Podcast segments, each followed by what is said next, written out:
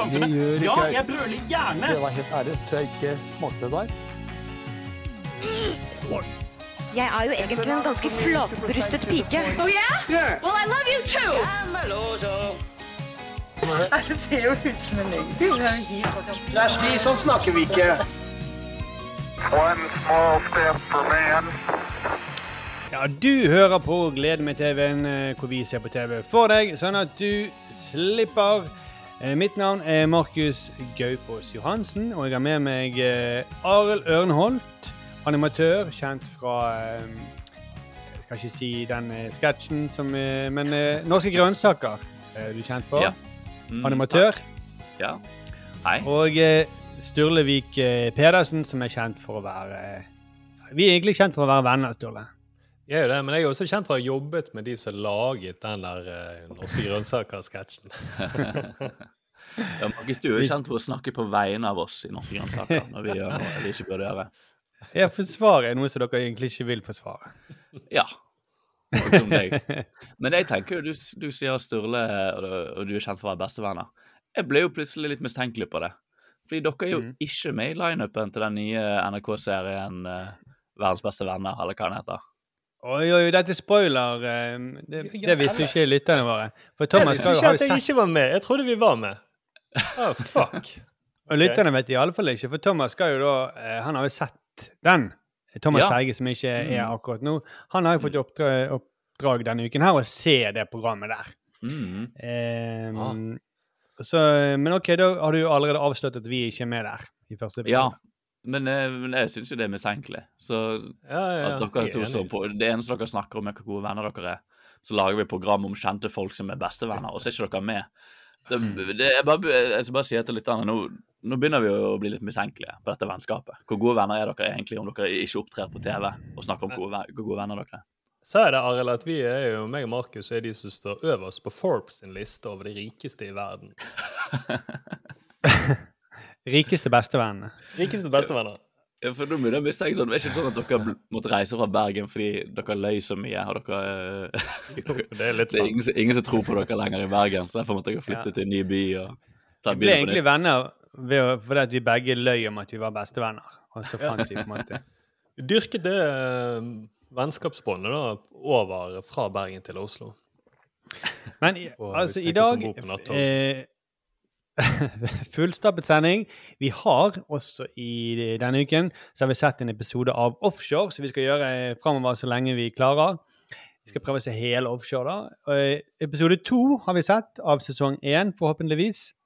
Ja, håper det det. Så, uh, håper Arild har uh, sett riktig. Du så episode én av sesong tre forrige Ja. gang. Ja. nå, Men uh, nå skal jeg si noe, og dette er ikke, dette er virkelig, dette er ikke på kødd. Nei, tuller du nå? Men, men jeg glemte faktisk å se offshore denne uken. Har du blitt smittet av Thomas? Jeg vet ikke hva som skjedde. Jeg kom på det nå rett før vi satte oss ned. Så kom jeg på å faen, vi har jo begynt å se offshore. Jeg, ikke, jeg har bare ikke fått det inn i hjernen min at det er noe jeg skal bruke i livet mitt på. Beklager, gutter. Men jeg, jeg, det bare blingset helt på det. Jo, jo, men da kan du være liksom lytternes representant og så stille Ja. spørsmål når du ikke forstår ting, da. Mm, Ja, litt. Jeg spiller den rollen jeg inntil videre, så skal jeg catche opp på det. Jeg vedder på mange, trenger- lyttere, mange lyttere som sikkert ikke har begynt å, å se på dette lenge ennå heller, så, så jeg spiller litt deres rolle jeg inntil videre. Du trenger ikke spille, du kan bare være deg sjøl. Ja, det Jeg hørte at eh, en del av lytterne våre hadde tenkt å se episode to av uh, Offshore, men så glemte de det. Så kanskje du kunne gått inn i den rollen? Ja, takk. Jeg virkelig, jeg får flashback til, til alle skoler jeg har gått på, hvor jeg eh, glemte å gjøre leksene og alt sånt, og måtte bare sitte og la, håpe at læreren ikke spurte meg om å delta. Meg og Markus vi er jo bestevenner. Vi fikk jo en gang parade fordi at vi hadde glemt å gjøre leksen. Det betyr at vi måtte møte opp et kvarter før skolen begynte. Er det sant? Ja. Du kan se mer om det i denne episoden uh, 'Verdens beste venner' på NRK. Men eh, vi må også fortelle at vi nå endelig har fått sosiale mediekontoer. Ja. Du kan eh, følge Gleden med TV-en på Instagram og Facebook foreløpig. Eh, Facebook der er det ikke så mange som har eh, meldt seg igjen ennå. Men på Instagram er eh, mange som følger. Eller mange, det er du ikke. Nå, men det er jo flere enn fem som det er på Facebook. da. Mm. Ja. Men det er helt nytt. Vi kommer til å legge ut uh, masse memes om eh, Thomas, som ikke er her. Yes. Mm. Han er i Italia. Er Noen som vet hva han gjør- i Italia? Jeg vet, altså, for å si det sånn da, jeg vet ikke om jeg husker før forrige episode, så sa jo Thomas at uh, han så en sånn politiserie Line of Duty, og det fikk han til å tvile litt på sin egen moral, og så sa han jeg har nok vært en korrupt politimann. Mm. Og så er han nå i Italia. Hva er det de er kjent for i Italia? Eller er han med de der nederlandske komikervennene sine? For han har jo fått noen nederlandske komikervenner, påstår han, eh, som er så geniale. Og han var jo besøkte de i sommer. Eh, Ja. Var han det? Han var Søkte det. han de, eller var han bare på ferie? Han, Men det han- verste ja. nå, Den historien her den tar jo helt av. Han sier at han har solgt, eh, solgt TV-ideer til disse vennene. ja. Han har solgt en TV. Han faktisk han, han fikk faktisk meg til å sitte og brainstorme ideer til nederlandsk eh, TV-kanal med han. Og jeg bare Ja ja, Thomas, dette er ekte. Dette gjør vi på ekte. Hele greien. Og han tok det skikkelig seriøst. Det var veldig rart. Ja, men Har du sett de pengene? Jeg har aldri sett de pengene. Han bare, jeg- Aldri sett de i vennene heller. Jeg tror han sier- er i mafiaen med i uh, Italia. Fordi Ja, at Vet du hva type sko Arild tror du mafiaen går med? De er veldig spisse. Det er Yes. sånn. Ja, ja, ja. og hva, hva skulle gå Thomas med? Det er de spisseste skoene jeg noensinne har sett. Ja. Men OK, altså det Vil du si mest... Arild, at håret til Thomas er det fett og sleikete? Eller vil du si at det ser eh, vanlig norsk og sunt ut? Altså, det er så fett, dette. Aldri sett så fett hår før. Mm. Thomas eh, går jo også til barberer eh, jevnlig. Oi, Eh, ja. Hvem andre er det som går til barbereren? mm. Hvem andre er det? Jeg ser for meg i hvert fall at eh, de i mafiaen i New York går mye til barbereren. I Italia også, tror jeg. Altså. Eh, Men mens vi snakker om Thomas, så må vi også eh, nevne at vi har fått en ny spalte her eh, som heter Ukens snakkis, hvor en av oss eh, blir tvunget til å se eh, et veldig veldig folkelig program som vi eh, egentlig ikke har så veldig lyst til å se. Det var Thomas som tapte eh, trekningen forrige uke. Og selv om han ikke er her, så måtte han altså se Verdens beste venner, den nye eh, NRK1-satsingen, på lørdagskvelden. Ja. Mm. Og Og han Thomas eh, måtte også lage en vignett til Ukens snakkis. Kan vi først bare høre Ukens snakkis-vignetten? Ja, vi kan høre den, og jeg fikk mail fra Thomas, og han var veldig stolt over denne vignetten. Så jeg er spent. Dette er folkelig. Hvor er tacoen? Sender det 2 til 26 400 for å stemme? Nei, nå koser vi oss. Skal vi heller se noe på BritBox? Jo da, det er genialt, men tenk om det var yngre og bredere. Dette er ukens snakkis, snakkis, snakkis, snakkis. Ukens snakkis. Wow. Ah, ah, er litt for kul til å være Ja. Eller han prøvde å være kul. Det var veldig Ja, det var veldig Jeg ble overrasket, det skal jeg si. For det var så kult. Mm, jeg ser for meg ja, Thomas gå på catwalken i Milano akkurat nå til denne stilige Men det hadde, Altså- umiddelbar, det sånn energi av eh, Jeg spiller inn et lydopptak eh, i gangen og håper at ingen hører meg. Det var litt sånn den viben. Ja, litt på vokal. Sånn. det var veldig Det var noe resten av familien sov. Og så Ja. var Thomas eh, i kjelleren eller i Ja, han kunne ikke være i baksetet på Teslaen, men et eller annet sted han gjemte seg. Men, men akkurat eh, den der eh, scratchingen eh, tenkte sånn Kanskje scratching har blitt så folkelig nå? At det, det har blitt litt sånn Tande P og taco. Ja. For, eh, for ti år siden så ville ikke man tenkt folkelig når man hadde scratching. Eller for 15 år siden, kanskje. Men eh, da tenker man at man prøver å være kul. Men nå er det kanskje forbi det punktet. Ja, Mm. Ja, kunne vært. Med mindre det var jo litt sånn uh, folkelig med sånn scratching før, når uh, den litt sånn hakk i platen-scratchingen. Mm. Ja, skriften stiften som Men det, er var sånn- gale, ja. Det er sånn taco, det er sånn tacovennlig hiphop hvor du ikke blir uh, fornærmet eller noe. Du, du svelger ikke tacoen, du får ikke den i halsen. Du kan nyte tacoen mens du digger til beatsene. Det, er- det er koselig. Mm. Jeg syns det er bestått, jeg, av Thomas. Ja, vi kan Ja. si uh, Du er alltid så snill med Thomas, Arild. Ja. noen må jo være det.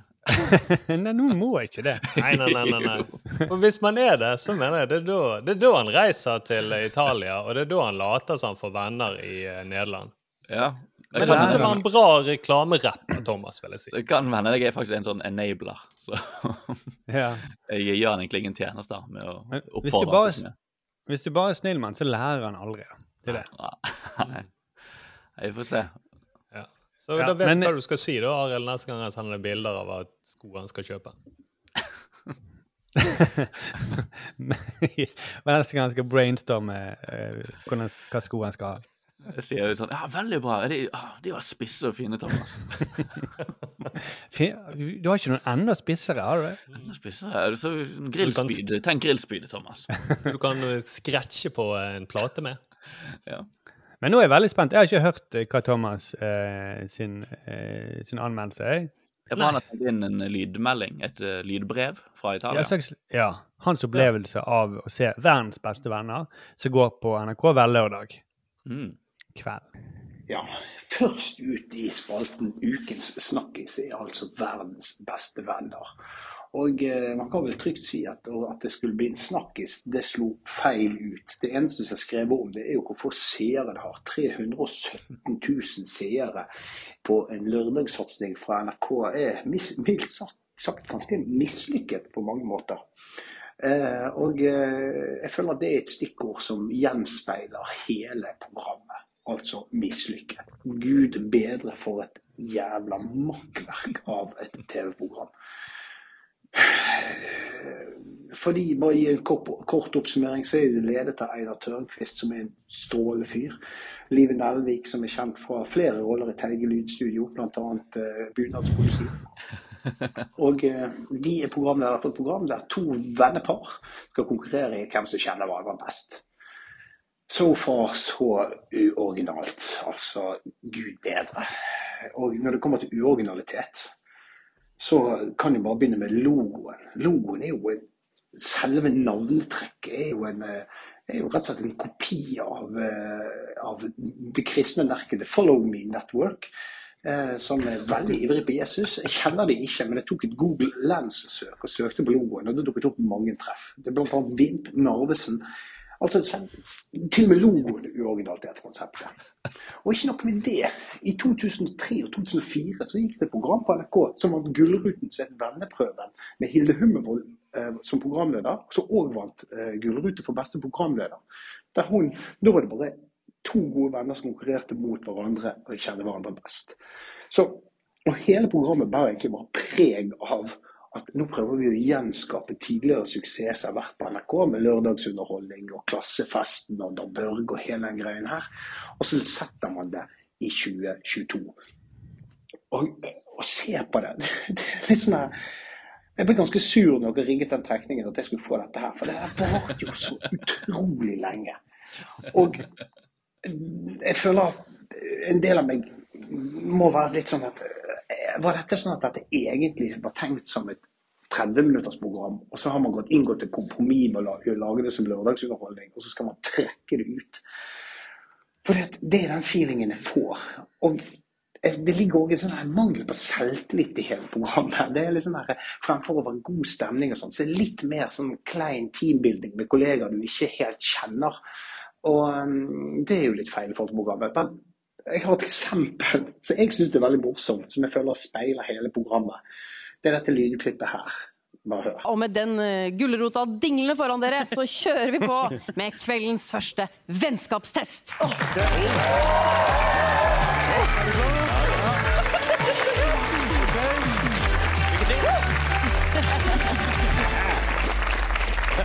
Jeg syns det er så morsomt hvor anstrengt det er. Og den, den, den, den påtrengte latteren etter en sånn halvslapp morsomhet, så prøver alle liksom å overbevise seg sjøl at dette er gøy. Det er liksom nesten litt sårt, men det er veldig ufrivillig morsomt. da. Og hele dette programmet er sånn. Oppgavene er kjedelige. Alt tar så lang tid. Og det er mer et sånn Jeg føler at her prøver NRK å lage noe som treffer absolutt alle. Og de prøver veldig hardt. Og de ender ikke opp med å treffe noen i det hele tatt. Og det er synd, for her er det veldig mange gode folk som er involvert. Uh, både foran og bak kamera. Og det føles bare som at det er altfor mange kompromisser. Altfor mange kompromisser. Jeg skal ikke se flere episoder. Og så lurer jeg på hva dere Strømmeboys tenker om dette her. Fordi at uh, Nei, altså, jeg er ikke overbevist. OK, her var det mye å snakke om. Det var rart å høre Eh, Thomas, det var rart å høre Thomas snakke uavbrutt så lenge. Ja, det var morsommere enn jeg trodde.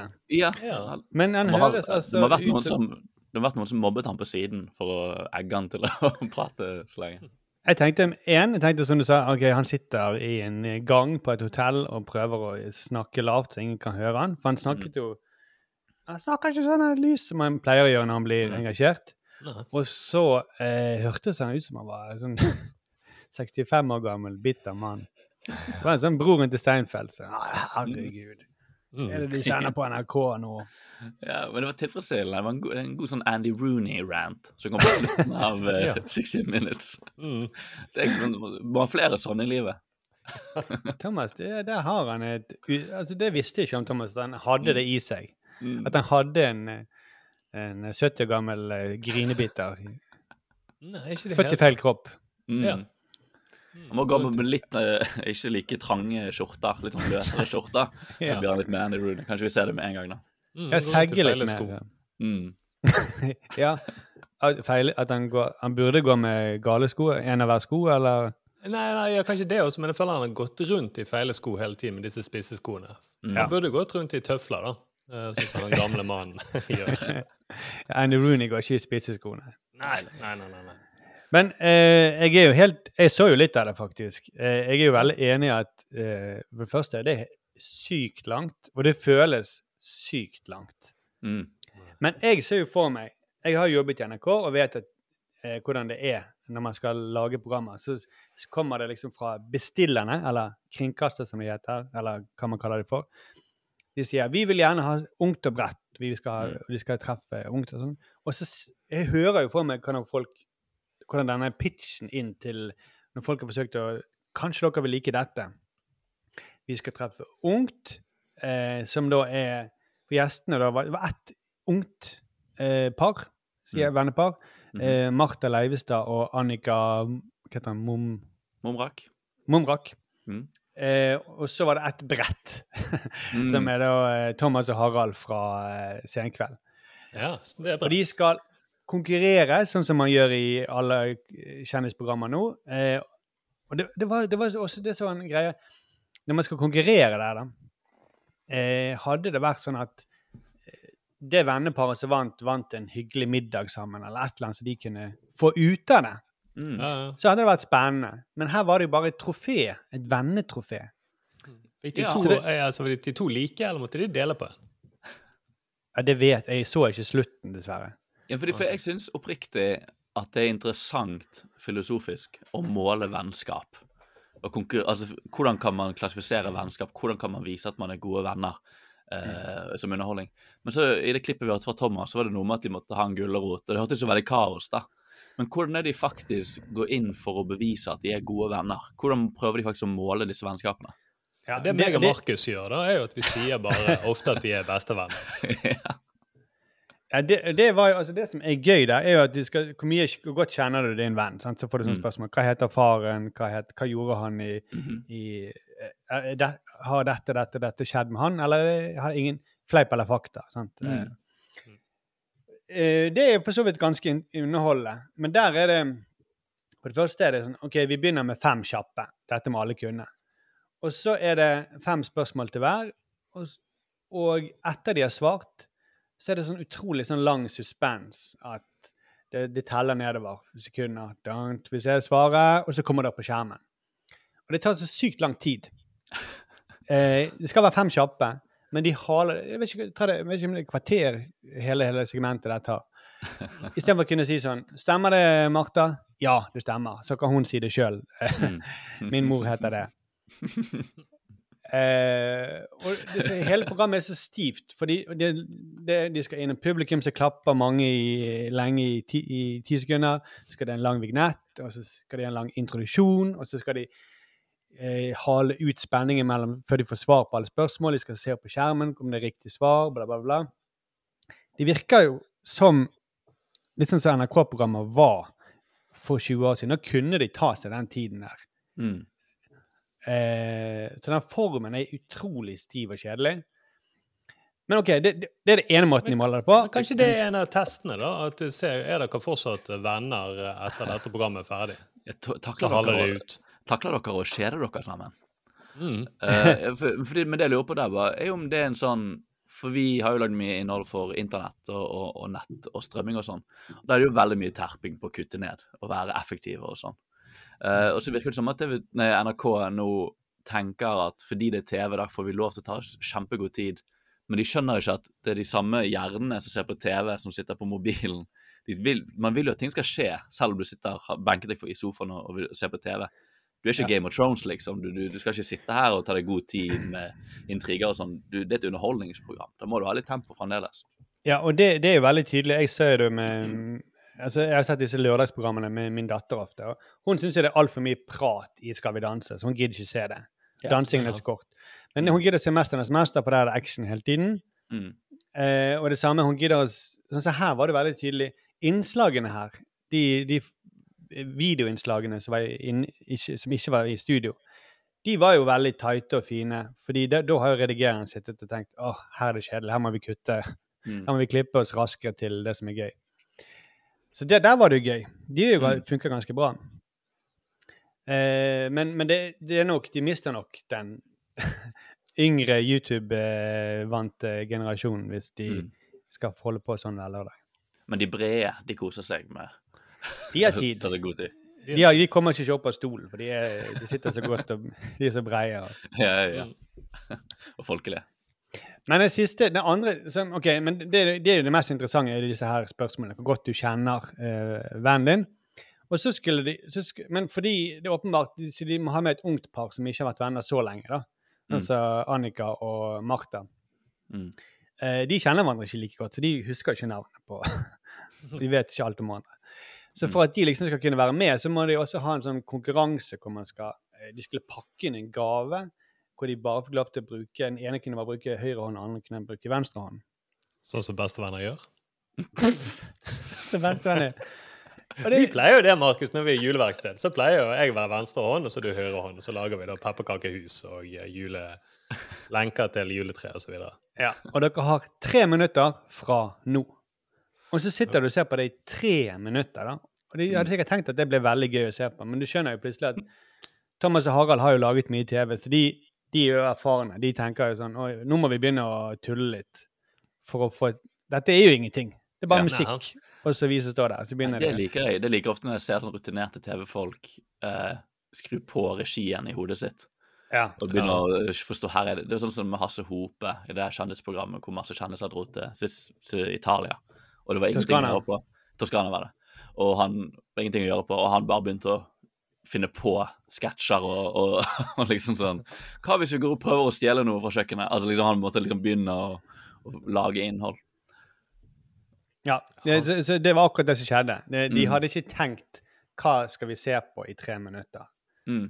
Eh, Og så Men er ok. det Mm. Bare si at eh, Er det godt bestevenner kjenner hverandre? Altså kjendiser kjenner hverandre. Mm. I seg sjøl så er det jo ikke så veldig pirrende, egentlig. Nei. nei. Altså sånn ja, Thomas og Harald har jo ikke så lyst til å finne ut hvor godt de kjenner hverandre, egentlig. Altså sånn. Det er liksom Så jeg kan komme og snakke med noen på lunsjen i lunsjen på mandag. Visste du at uh, Harald kjenner Thomas veldig godt? Han visste, han visste navnet på datteren. Ja. Skikkelig godt de kjenner hverandre. Altså. Annen fun fact med de der to Ja, er at faktisk, De drar på hyttetur sånn eh, en gang eh, annethvert år. Så drar de på hyttetur sammen, faktisk. Ja. Eller dette skal norske Harald, folk snakke om. Harald visste at Thomas drar på hyttetur. Ja, det Det, det er jo også, det er jo enda kjedeligere. mm. Mm. Ja, visste du at Harald visste at Ja, for jeg tenker at dette er sånn program som skal være sånn Nå skal vi få venner til å sitte sammen, og skal dere som sitter i sofaen, engasjere dere i vennskapene på TV, og kanskje utfordre deres vennskap i sofaen igjen. Ja, Et eller annet sånn at man føler man faktisk får noe ut av det. Ja, for det er det. Eh, De andre programmene, det er sånn alle mot én, er jo, engasjerer jo publikum. Og det, det Mm. funker jo veldig bra i vårt hjem. Eh, Mm. Min datter Ja. syns jo det er veldig gøy å sitte og lure på eh, hvor mange vannmeloner man klarer å knuse i løpet av et minutt, liksom. Og Ja. taste det inn Ja. på mobilen sin. Men her er det ingen interaksjon. Her skal du bare se kjendiser eh, brette ut om seg sjøl. Mm. Det, Det har aldri blitt gjort før. Aldri sett kjendiser brent. Ja, men Det er interessant, fordi de, ja, de går sånn imot sånne opplagte gode triks for å lage engasjerende TV. Sånn som Mm. eh, Einar og Thomas eh, blir venner, er jo gøy fordi at de er så uventet vennepar som blir venner underveis, og de Ja. er så forskjellige. Og da er det, skaper det noe dynamikk med disse kontrastene. Men å se på sånn gode venner som er privilegerte og får lov til å være på TV og ha det gøy sammen, leke Det er sånn som den ene Jeg husker veldig godt en sånn julemorgen for mange år siden, hvor de fikk prinsesse Ingrid Alexandra til å dukke opp. Mm. Og hun er jo en prinsesse, og de skal vise reisen til julestjernen. Og det var sånn Oi, du er en ekte prinsesse.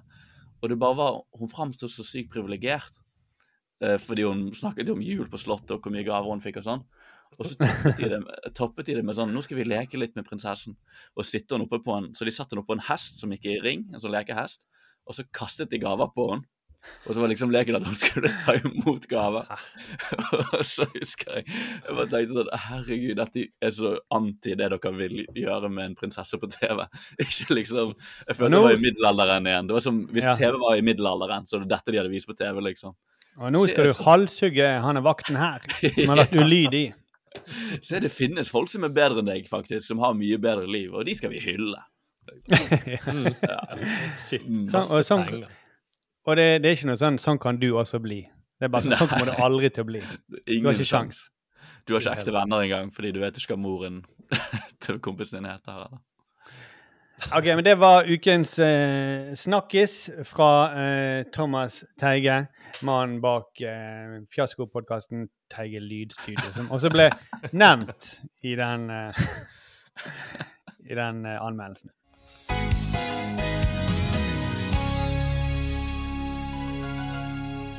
Men jeg har også noe jeg vil bare eh, En kjapp liten ting som jeg vil gjerne si. Eh, fordi at eh, jeg så på Champions League, eh, som man bør gjøre i midtuken. Mm. Eh, og TV 2 er det som har Champions League nå. Og de er jo Jeg tror de er ganske lei seg for at de har mistet Premier League og ikke får lov til å dekke Alfinge Nei, han Alfinge Haaland, sier jeg. Erling Braut. Det var din tid, dette, Markus. Det var min tid. Nå finnes jeg ikke lenger. Erling Braut Haalands eh, De får ikke lov til å dekke han hver uke. Så Mm. eh, de gjør jo maks ut av at de har en kamp med Erling Braut Haaland. Mm. Og jeg så intervjuet med eh, Kevin De Bruyne, som spiller på lag med Haaland. og hvert en, Det er ganske langt eh, intervju. Hvert eneste spørsmål handler om Erling Braut Haaland. Oh. Og du ser at eh, han eh, eh, De Bruyne, da, han lukker øynene liksom hver gang eh, han skjønner at spørsmålet også, det er, også dette handler om Haaland. Og det må være så nedverdigende når, når du er verdens beste fotballspiller. Han er kanskje det. Ja, han er jo det. Og så må han svare eh, om en annen fyr. Han må stå der i fem minutter og bare lire av seg. Eh, og det avsluttes med ukens eh, flaueste TV-øyeblikk. Kan du høre han TV 2-journalisten prøve å gjøre maks ut av at han eh, har en Han får ikke snakke med Haaland, men han får snakke med en som kjenner Haaland. Now in Norway, people are calling you Kevin De Bruyne because that's Erling's hometown, and you, you're always giving him assists. Do you do you, do you uh, think it's a it's a fair nickname? Uh, it doesn't matter. You know, people call me whatever they want. I'm, I'm okay. I'm, I'm fine. Thanks. Thank you. Thank you. Og det var reporteren som lo nervøst. Eller, Ja. eller egentlig ikke nervøst, han lo vel nesten ruset, hørtes det ut som. Ja, han var stolt over det. Ja. Hvem Åh. Bruyne. Du viste jo eh, oss dette klippet tidligere, Markus, og det ødela jo uken min. Virkelig. Det ødela uken min. Jeg var så jævlig. Det er noe av det verste jeg har sett på lenge. Mm. Uh, fordi det så Jeg skjønner ikke, virkelig ikke, hva han reporteren tror han skal få ut av å stille det spørsmålet. Hva er drømmescenarioet? Så Kevin De Bruyne bare var sånn Oh yeah, that's an amazing fun factor. You want to be best friends with me now? You River av seg drakten og bare begynner å showe. Mm. I've never thought of that before. That's an incredible question. Ja. Men det er jo nesten som om Perhaps det I should er move to Bryne. Because Bryne. Do, do they need soccer players in this Bryne? Can I have more need- questions like that in Bryne? yeah. Uh, do they need uh, the world's greatest footballer in Bryne, perhaps? Because you know my name is the same. I never knew this. If I knew this, I would never sign with Manchester Un- City. That's incredible. Thank you, man. Thank you, bro. Want to go into the wardrobe with me and party with the guys? Or we can travel together to Bryne? yeah. Er Because uh, it's just uh, one uh, letter difference between Bryne and Broine. I never thought of it. I never thought it. I want, always wanted to know, and now I know. ja, men det, det er helt jævlig. Men det sykeste er jo som dere påpeker, at han reporteren koser seg sånn. Koser seg. Men jeg synes så er flau over de andre spillerne, for det høres ut som det er mammaen til Haaland. Det er jo ikke sånn, sikkert. Nå syns det er mammaen til Haaland som var Du, kan ikke vi snakke litt om sønnen min? Hva syns du om sønnen min? Visste du at Ja. sønnen min kommer fra Bryne, og ditt etternavn er jo nesten som Bryne? Visste du det? Min sønn og ditt etternavn. Er det sånn, TV2 ja, det, men sånn har det vært lenge, da. Hver gang det er norsk eh, sports... Eh, Mm. idrettsutøvere som gjør det bra, så kommer eh, journalistene. Ellers er det mødrene til disse folkene som har forkledd seg som journalister. Det skjedde jo også når første gang Haaland spilte i Champions League. Det var 19 år. Og så spilte de mot Liverpool, og så intervjuet de han her van Dijk. Eh, og så sier jeg 'hallo, jeg kommer fra norsk TV 2'. 'Å ja, kommer du fra Norge?' 'Kommer du til å stille meg spørsmål om han er eh, angriperen Mm. igjen?' Mm. Og, og det at de ikke er flau. Han bare 'Jeg ikke, jeg vil snakke om min kamp. Jeg vil ikke snakke om Haaland', liksom. Ja. Eh, det er det samme de fortalte jo han eh, Men sa de at han kom fra Bryne? Jeg hadde kanskje fått van Dijk til å snu. Mats Zuccarello Aasen Han måtte jo si han ene treneren i, til, til Mats Zuccarello Aasen. For hver pressekonferanse så satt det to norske journalister der. Alle andre i, i Det er jo en av verdens største idretter. De ville stille spørsmål om laget. Men de to de ville bare stille spørsmål om Mats Zuccarello Aasen. Det var på et tidspunkt han ikke han var, han var ikke på laget engang. Han var ikke god nok. Han spilte på reservelaget. Mm. Eh, så han bare nå, nå må dere slutte å snakke. Jeg kan ikke snakke. Jeg ser for meg sånn i rapporten at det er sånn her Beavis and Butthead-situasjon før de får stilt spørsmål. Hvor de sitter på bakerste rad og bare ler og godter seg. bare For de ser på spørsmålene de skal stille om eh, han kjenner Mats og alt det der. Det siste det, det var også at TV 2 var ganske stolt av det intervjuet. De la det ut. Eh, og Mm. du ser de tar med den latteren i studio etterpå. De ler så godt. Og han kule journalisten som sikkert forsøker å gjøre karriere da på å stille litt sånne artige Haaland-spørsmål. Ja, kanskje han får jobb i Bryne til slutt. Men de har også et annet intervju med han Delaney på det andre laget. Eh, så også bare med å snakke om Tror du han klarer å slå rekorden til Ronaldo? Ja, jeg tror det. Det tør de ikke legge ut, for du ser at han han liker ikke svar på det. der. Nei, du ser nei, han bare nei. ja, Ja, Det var min Det var, det var ukens flaueste TV-øyeblikk for meg.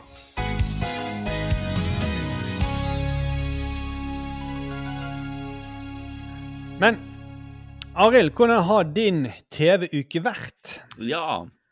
Jeg eh, husket jo å se på noe, da. Jeg har ikke bare ikke glemt å se på TV denne uken. Nei. Uh, men jeg uh, og min samboer vi har kommet over en ny dokumentarserie på NRK som heter så mye som Fiskerne. Har dere sett denne i NRK nett-TV-appen deres? Nei, ikke i det hele tatt. Fiskerne. Fiskerne. Det er jo en sånn klassisk serie du kanskje hopper forbi når du bare ser på alt som ligger der. Uh, de hadde lagt den under fanen. Uh, de har jo sånne nære tematikker, og de av og til uh, ligger i nett-TV-appen. Hvor det sto 'God tirsdag', og så var det liksom et par forslag. Så da var Fiskerne en av de. Vi Eh, pleier ofte å spise fisk på tirsdager. ja, ikke sant? Så, men vi tok en titt. Vi var litt i det humøret at vi bare ville sjekke ut noe. Hadde en eller annen feeling på at her er det kanskje er noe det er fisk, en dokumentarserie om fiskere i Norge. Det er jo en jævla svær næring. da, Det kan hende det er noe her. Og vi ble ganske betatt av den serien ganske kjapt. Um, vi har jo familie som uh, driver med fisking, opptatt av fisking. Og vi er jo litt Vi engasjerer oss jo litt i det, egentlig. Men jeg tror denne serien også kan appellere til folk flest, fordi det er en klassisk sånn dokumentarserie som tar deg med eh, bak eh, teppet til bransjer man kjenner til, eller næringer man kjenner til, som egentlig har, er ganske spennende, da, når man får lov til å være tett oppi det. Men kan jeg Eh, bare spørre, du har en familie som er opptatt av, driver mye med fisking. Ja. Men, men den, dette her er, eh, dette er sånn eh, folk som fisker som en jobb, sant? Dette er ikke samme- profesjonelle fiskere. Nei, det, det er ikke hobbyfiskere. Dette er profesjonelle folk som reiser ut med fiskebåt. De følger vel en to-tre forskjellige fiskebåter som reiser opp til Nord-Norge når det er fiskesesong, og, og fisker. Og det er jo det som er så gøy, da, som serien klarer, er at den gjør deg engasjert i næringen. For den tar det liksom, den prøver ikke å lage bare kommersiell underholdning ut av det. Den har faktisk lyst til å lære deg litt om denne næringen, hvordan det funker i praksis. Eh, teknikkene for å få utro mange hundre tonn med fisk på en gang de bruker. Og ikke minst også de få- typene da, som eh, er på disse båtene. Så Og de er reiser fra bare sånn at Du sa de reiser de Kommer de fra andre steder, og så reiser de Ja. nordover med båt? Blant en av hovedbåtene vi følger, da, eh, som kommer jo fra Stord, tror jeg det. Hvor han kapteinen er fra Sotra. Geir, tror jeg. Hvis han, ikke er fra Sotra, så beklager jeg til dere fra Sotra. Jeg vil ikke komme i trøbbel med noen fra Sotra, er det jeg sier. Uh, men uh, som er utenfor Bergen, da. Uh, og, og han har en crew da på fire-fem personer som han reiser fra Sotra oppover til Nord-Norge når det er sesong, for å fiske torsk, blant annet. Og nå, nå har jeg plutselig blitt sånn nerd, for liksom, du lærer jo liksom om fiskekvoter og, og, og hvor stor denne næringen er, og rutiner de må bruke for å fiske uh, og sånn. Og, og det er jo en utrolig viktig næring for Norge, og det er bare så vittig at den blir drevet av disse pussige typene på disse båtene. For det er jo, det er jo skikkelig sånn uh, Det er jo noen karakterer da, på disse Mm. fiskebåtene som ikke har noe utdanning, ingenting. De bare sa en dag jeg har lyst, jeg har lyst til å fiske. Og så tjener de, uh, kan de tjene 400 000, 500 000 på en sånn tur da, opp til Nord-Norge og fiske torsk. Hvor de Det første jeg, tenk, ja. jeg tenker på, det, det- det burde vært en sånn offshore-serie derfra. Ja. Altså, for det, det er jo litt de samme type folka som blir eh, eh, ut på oljeriggen. da. De, Ja, men det- eh, de tjener masse penger på veldig sånn intensivt arbeid. Mm. Eh, ja. Ja, nei, Trekke det- fra familien sin. Ja, det er egentlig akkurat det, da. Og det er ganske sånn, uh, i ordets beste mening, Uh, liksom enkle typer, da. Som er veldig elskverdige og fine, men de har en, en holdning til livet som er at jeg bare går ut, og så jobber jeg hardt, og så reiser jeg hjem igjen. Um, og, men det som er imponerende, er at du, lærer, du ser at hvor mye teknikk og hvor mye liksom strategier og sånn som ligger til fiskingen, da. Men som blir drevet av liksom han Geir, da, som ser ut som han Sid fra Istid. Uh, og han er en sånn fiskesavant. Han bare forstår jævlig bra sånn hvordan han skal få jævla mye fisk. Det er veldig rart. Han klarer ikke å sette ord på det. Han bare forstår det. For de viser også han i kontrast med en annen båt da, som bare ikke klarer det i det hele tatt. Og han Geir han bare forstår fisk på en måte. På en Det er interessant. For, det, Mm. interessant, for jeg så en sånn, eh, et slags at, eh, en sånn videoklipp som TV 2 la ut. Mm. Eh, en nyhetssak, egentlig da, om eh, Eller kanskje det var på nyhetskanalen. Men det var i hvert fall Mm. en liten gutt, ble, eller en gutt som var, han var 19 år. Han ble på en måte framstilt som en sånn eh, geni. Litt, Mm. Reportasjen var sånn Oi, han er syv år og spiller sjakk. Her var det en eh, han, var 19 år, og han eh, han, han eh, er blitt fisker, eh, og han største drøm Han sparer da for opp til å kunne kjøpe sin egen båt, Mm. som han kan ansette. Eh, og det var liksom nyhetssaken, at en 19-årig gutt Men han var litt sånn eh, Han var jo litt sånn eh, Magnus Carlsen bare på, på fisking. Ja, for de har med et, et par sånne, og det overrasker meg litt, da, hvor mange unge gutter eh, det er på disse fiskebåtene. Hvor han ene som er med på den andre båten, så det ikke går så bra med, heter Jaran. Han er sånn fiskevirtuoso, som bare jeg tror er udiagnosert med ADHD eller noe sånt. Men han er bare jævla gira på å fiske, han klarer ikke å sitte i ro. Han er bare så opphengt i å få så mye fisk som mulig. Og hvis det er trøbbel med roteren, så hopper han bare uti og prøver å fikse det sjøl med kniv. Han er så, han er ganske ung, og han, han, er, han har kjøpt sin egen fiskebåt som han har på siden til å jobbe på dette ene crewet. Eh, men det som også er litt vittig med han, at han har en kjæreste som også driver med fisking, som han får sånne snaps fra. Og det er så rart, for dette er en serie med kun menn.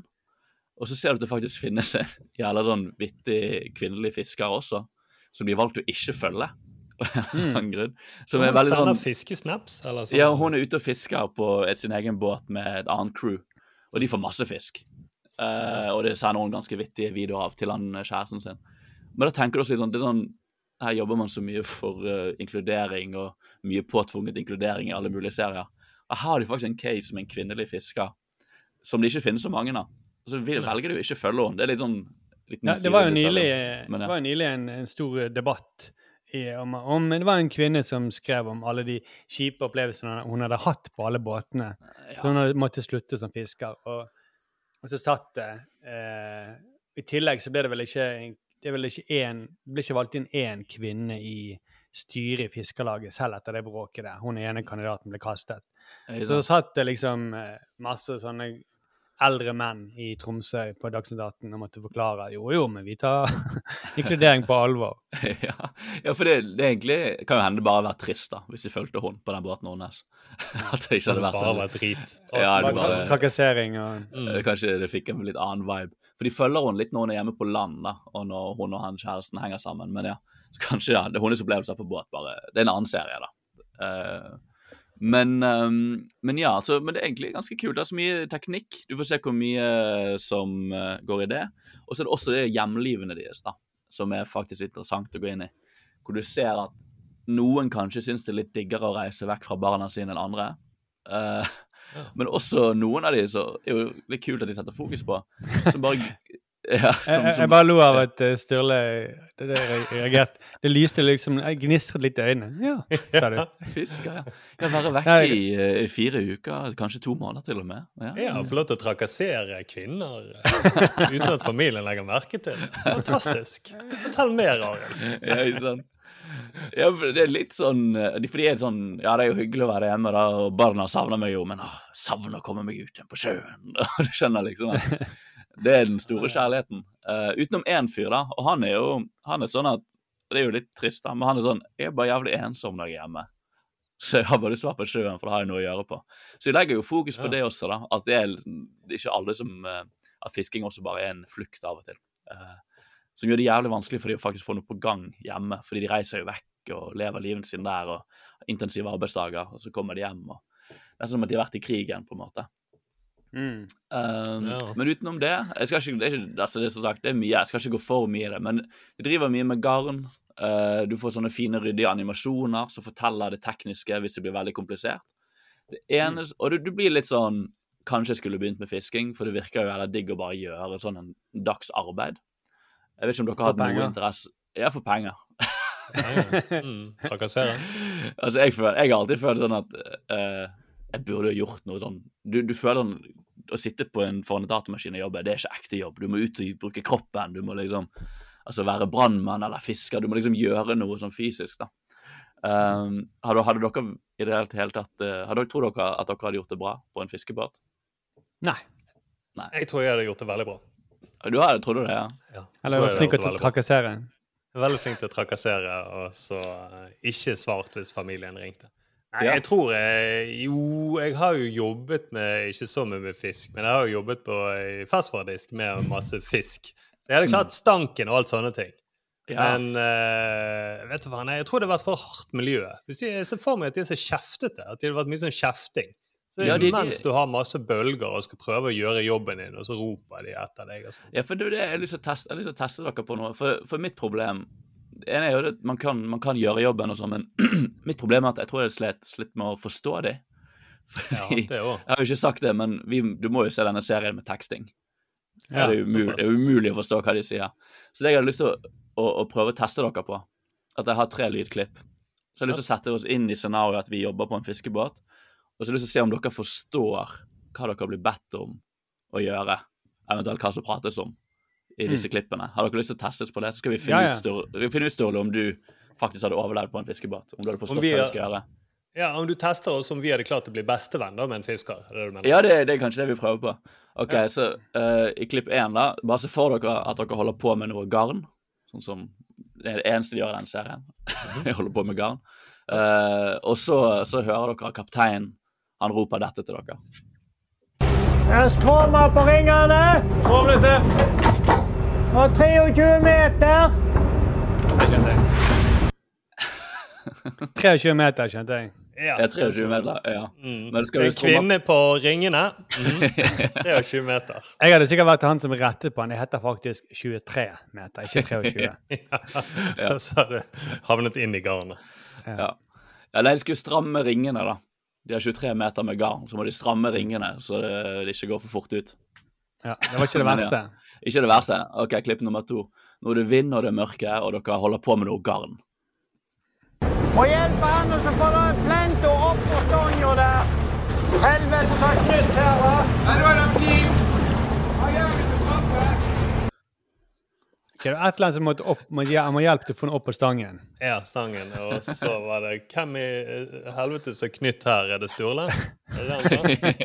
Jeg tror det var det han sa. Mm. Ja, ja, ja. Nei, altså, ja. eh, fordi at jeg, eh, jeg har jo Jeg tror det var jeg som kom på den overskriften med at uh, han svigersønnen som forsøker å knyte en, en ung mann som forsøker å knyte eh, eller feste båten slik svigerfar har bedt ham om. For det, Fortøye, jeg- da. mi- Fortøye båten. det er kanskje det engang. Men det var din overskrift. Det var min overskrift. Og det var jo eh, er min eh, svigerfamilie er jo fra Nord-Norge og er jo Mm. eh, egentlig er jo halvt hval og halvt skrei. Så de er jo fiskere, på en måte. Mm. Og jeg, jeg, etter en fisketur med han, så, svigerfar, så var det jo sånn ja, hva, bare gjør det, bare gjør det. Hva med? Ja, kom ja, kom, igjen, kom, igjen, må bare gjøre det. Ja. Jeg skjønner, skjønner ikke hva du mener. Og Ja, for det er den De sitter med den frykten hele tiden. Og det, og det er så viktig, for det, det er snakk om liksom Nå taper vi 400 000 kroner hvis ikke du, som i dette tilfellet, hjelper han å få, få det opp med stangen. Mm. Helvete, de har knyttet så mye. Ja, da er det kniv, var det han sa. Da er det kniv. De, må, de måtte Stikke han som ikke har knytt eh, skikkelig. ja.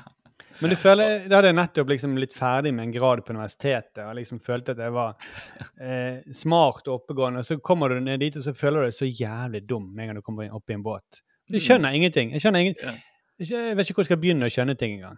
Mm. Og så det, det, snu det, da, og så neste gang du møter din svigerfar, så tar du eh, Mac-en foran han, og så sier du 'Jeg eksporterer ut de der filene'. Jeg eksporterer de ut nå! Kjapp på! Ja. ok, siste klippet.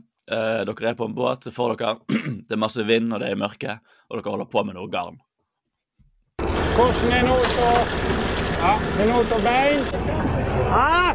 Hvis man måtte hvita, så har vi kjempehøler. Helvete at han ikke kan taue beint, da. Han kunne ikke taue beint.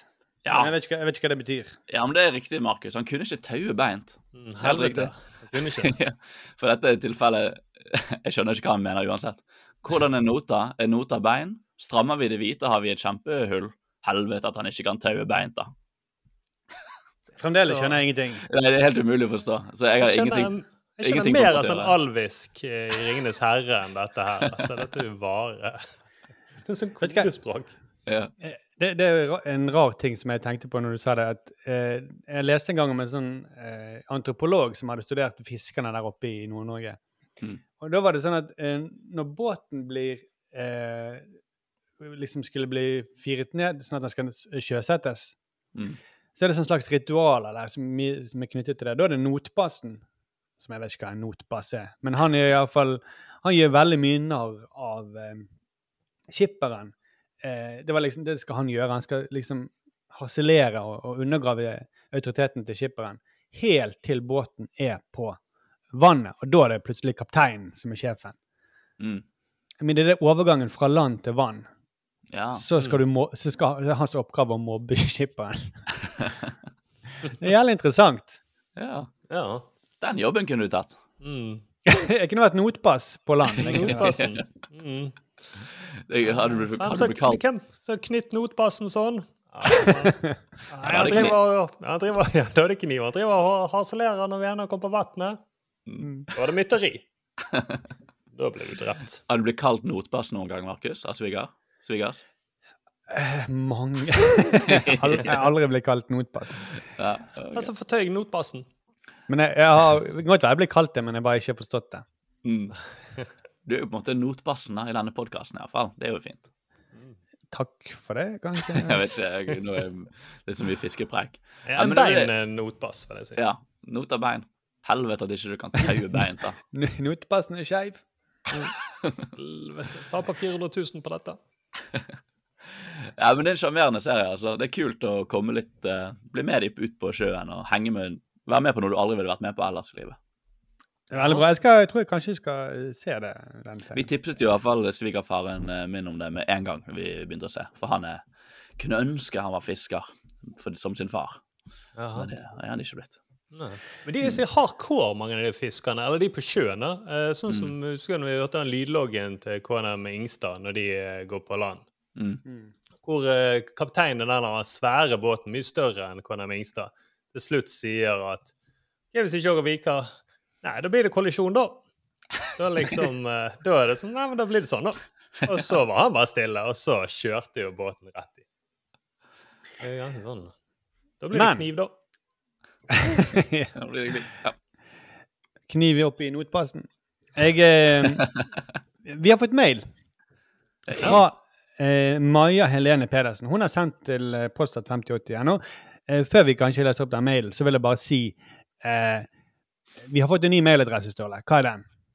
Den er gleden.med.tv at gmail.com. Ja, så hvis du har innspill til noe som helst, send inn til gleden.med.tv at gmail.com. Bare TV. Fordi Ah, at, så- ja, fordi at vi skulle Gmail vil ikke ha en bindestrek. Nei. Og da tenkte jeg ok, da må vi bare si TV. Vi kunne sagt TV-en, men hvis det ikke er bindestrek, så blir det bare surr. Så det er gleden.med.tv at gmail.com. Maja Helene Pedersen skriver da Hei dere, jeg elsker eh, Gleden med TV-en. Eh, har allerede sett alt av offshore i sommer og gleder meg til dere kommer til noen av høydepunktene i serien. Oi. Men jeg trenger at dere ser The, The Rehearsal på HBO av Nathan Fielder. Og jeg skjønner ikke om jeg elsker, skråstrek hater den, eller bare er skikkelig forvirra. Det er så meta, og dere som kan TV, har garantert noen fine tanker om hva som eh, foregår der. Takk for en nydelig podkast. Så det, Maja, det har jeg gjort. Jeg også. Jeg òg har sett. Nei, så bra! Vi har alle sett det. Vi har alle sett det. Det er veldig bra. Eh, Jeg har bare sett eh, to episoder, fordi jeg må innrømme at eh, det, det er jo en eh, Den er så mettet både med følelser og eh, Jeg klarer ikke å se mange strekk, for jeg- det, det går litt innpå meg. Det er jo ganske heavy greier. Utrolig heavy. Og heavy. det beste, det beste valget vi gjorde med den serien her i heimen, var at vi så den en episode i uken. For vi trengte en episode å fordøye. Og, og, og kunne plutselig ta opp Nå holder jeg litt vagt inntil vi prater mer om det. Men kunne plutselig holde, ta opp ting midt i hverdagen med, fra serien og bare si sånn Tror du han gjorde det på ekte, eller Jeg tenkte litt mer på den han ene fyren han intervjuet der. Altså, det, det sitter fast der på en, på en måte man uh, ikke vant med at TV egentlig gjør lenger. Nei, Det er en serie jeg skulle ønske jeg egentlig Jeg så den alene fordi at familien min dro ut på fiske. Så jeg har vært hjemme nå i tre uker. Men det er en serie jeg faktisk ønsker jeg så sammen med dere. Til og med med Thomas kunne få lov til å være med i sofaen og se på den. Mm. Fordi at eh, Ja, det er morsomt, men det er som du sier, Max, det er, en sånn, det er ubehagelig. Og det er en del ting man må fordøye, så man, det er fint egentlig å kunne spurt sidemannen. Mm. Eh, Men- Tror du dette stemmer? Eh, Men The Rehearsal da, det, det er laget av komiker eh, Nathan Filla kjent fra eh, bl.a. Nathan for You. Eh, jeg ble først oppmerksom på ham at han gjorde veldig mye sånn gøye pranks som dukket opp på YouTube. Eh, det mest kjente er kanskje Dumb Starbucks. hvor Han mm. laget en hel Starbuck-kafé. Filial. Ja. Filial, filial han eh, og så eh, puttet han bare dum foran eh, Starbucks. Sånn at han, han var akkurat som en Starbuck-filial, bare at eh, det sto dum foran alt. Sånn at da kom han seg unna at han i Det var satire, mente han, og han, det var ikke plagiering. Så han kom seg Mm. smutthull i lovverket. Han er jo smart fyr, Nathan, for han har jo en businessbakgrunn. Så de tingene han gjør, som sier Nathan for you, da, det har, han bruker jo sånn markedsverktøy, da, eller strategier. Men så, skru, så er han komiker, så han skrur det til, da. Mm. Og det er en ting til man, som jeg synes man glemmer å snakke om når man diskuterer Nathan Fielder og det han gjør. Han gjør jo stunts da, på en måte, for han opererer jo med ekte mennesker. Mm. Men en bakgrunn han har som man glemmer å nevne, som jeg tror er veldig viktig, er at han er magiker. Han, oh, han er ja. illusjonist på hobbynivå, da, vel å merke. Han er ikke kjent for det. Men han, er, han er veldig opptatt av og bryr seg veldig om illusjoner. Og da, og det går litt tilbake til the rehearsal, for det er noe av det viktigste med folk som bryr seg om illusjoner og utover det, er at man ikke skal få vite hva eh, som er trikset, hva man egentlig har gjort. Ja. Og det sitter du igjen med eh, når du ser på den serien, eh, hvor han gjør uh, stunts, som du kan gå inn i. Eh, Men du sitter og lurer på er dette sant. Uh, hva er trikset? Kan jeg være Mm. snill få vite hvordan du gjorde dette? Det er følelsen du sitter igjen med. Ja, for det, ja, det er som et sånt veldig koreografert triks. Mm. ve- Veldig mange sånne koreograferte kule triks. Men mm. det skal jeg bare si at disse her greiene de funker jo bra som morsomme YouTube-videoer i Nathan for you. Men hvis man ser mer på Nathan for you enn bare de der, high, de der største hitsene som ligger på YouTube og på andre steder, så eh, ser man jo at eh, det er noe mye mer der. Eh, og han sniker inn sin egen såre, rare personlighet. Eh, det nærmer seg et sånt kunstprosjekt. Og det gjelder i høyeste grad også uh, The Rehearsal at det som ligger under alt han gjør, føler jeg, det, det er hans egen sosiale usikkerhet. Altså hans ønske om å komme nær andre mennesker. Som blir ødelagt av at han har, han har veldig sånn kontrollbehov. Så rehearsal det ser jeg på en måte som en slags eh, parodi på hans kontrollfrikete side. da. Mm. Eh, vi kan bare høre et lite klipp fra traileren til rehearsal. I've been told my personality can make people uncomfortable. Hey, how to make love all night. Oh, well, you know. I think it we're gonna get along pretty well. but I've learned that if you plan for every variable, a happy outcome doesn't have to be left to chance. This conversation's going pretty well. Yes. So that's no accident. Everything that's happened today, I've rehearsed it. Hey, hi, Nathan. Dozens of times uh-huh. uh, in a replica of your home. This is what we can do for you, you, and you. You know, just off the top of my head, I would say sure. Ja, alle burde se de fem-seks første minuttene av første episode. Det er virkelig noe av det beste jeg har sett Mm. eh, på TV. Fordi han, hva gjør han? Hva er greien? Premisset da, i denne serien er at han i The Rehearsal at han mener at vi takler livet Livet slenger så mye uforberedt på deg som ikke du har evne til å takle. Så hva om vi kunne øve eh, på de største begivenhetene i livet vårt, og alle de største begivenhetene i livet vårt eh, til, Hva om vi kunne øve på det til døde før vi faktisk gjennomførte det, slik at vi fikk det perfekte eh, utførelsen av det vi ville gjøre. Så i Mm. første episode så eh, Når får han kontakt med en som skal fortelle en, en hemmelighet til quiz-laget sitt. Ja. en mørk Kan hemmelighet. hemmelighet. stoppe deg bare der, Arild? Ja, Eh, ja. For det eh, vi, vi må fortelle noe, og bare, vi må ikke fortelle alt, håper jeg. Eller jeg bare vil at folk skal oppleve hele denne serien uten at vi spoiler noe. Ja, nei, Eh, jeg skulle bare, skulle bare si Ja, jeg tror ikke du gjør det, men bare nei, nei, sånn Nei, for veldig bevisst, uh, veldig bevisst, for det er jo denne serien eh, går noen steder. Uh, som jeg, jeg tror man, det er fint å vite når du sitter nede og ser på det, at denne serien reiser av gårde, og du må bare henge deg på. Men i første episode han når ut til en som eh, skal fortelle en hemmelighet til quizlaget sitt, da. og skal han gi han muligheten til å øve på å formidle denne hemmeligheten til quizlaget sitt, Uh, og går ganske langt da for å gjenskape dette fremtidige scenarioet uh, for han uh, fire. Mm. Ja, altså det, han, han, har en ting han ikke har fortalt dem. Sant? Han, en, Mm. hemmel, en hemmelighet. eh, som, Mm. han, han, en løgn som han må si jeg, 'Beklager, jeg løy i alle. Mm. Og så Det som er så stilig, er måten de eh, øver på. Mm. Eh, Måten de gjenskaper den situasjonen. Det er jo nesten sånn Du får samme wow-en som et, når du ser på trylling. Mm. Eh, herregud, har de klart å gjøre alt det, liksom? Ja, sånn, for De Eh, bruker jo skuespillere til å, eh, i den simuleringen til å spille disse personene. F.eks. den han skal fortelle hemmeligheten til. Mm. En skuespiller som er veldig lik den personen. Og han er jo redd, han Kors han heter, han er jo veldig redd for at hvis han, han sier den hemmeligheten til eh, hun kvinnen, så kommer hun nok til å bli klikke. Og hun er, han frykter at hun kommer til å bli voldelig. Mm. Og det kommer til å bli ødelegge Vi kan si det sånn at Han er i et pubquiz-team, og han er redd for at han kommer til å miste vennskapet hennes, men også eh, hele eh, plassen på teamet. Og han Mm. elsker jo quiz. Ja. Så um, det er jo Og det er jo eh, Du sitter og ler hele tiden i begynnelsen. Men det er ikke en sånn serie som de har forsøkt å legge inn OK, nå er det vi må ha latter. Det er 30 sekunder siden sist gang vi lo. Vi må, det er ikke sånn Det er veldig høyt tempo i latterne de første minuttene, men så bare glemmer du å le. Du blir bare sånn sugd inn i det, for det er jo spennende. Når han, Mm. den er, du føler jo med han fyren som skal fortelle denne hemmeligheten. Og, og det er veldig sårt. og det er rørende liksom på slutten når han har fortalt denne. Så det er en um, eh, Du sitter mer sånn ha, ha hele tiden. For det er så geniale konsepter og ideer hele tiden. Du bare blir bombardert med gode ideer. Eh, så, som er på en måte Det er noe jeg mener som på, oppriktig at eh, ha, det er jo halvveis til ha-ha. Det er noen ideer Mm. som er så slående gode at du nesten ler av dem bare fordi ideen er så god i seg sjøl. Mm. Så jeg, jeg husker liksom ikke at, at jeg ler. Jeg husker bare at det noen mange ganger sier Hæ, herregud, at de Det sier- gjorde ja. det. Og det, for å ta tilbake det vi sa med den eh, Bestevennprogrammet til NRK, hvor de ikke har nok ideer. Eh, du føler du sitter og venter på en god idé.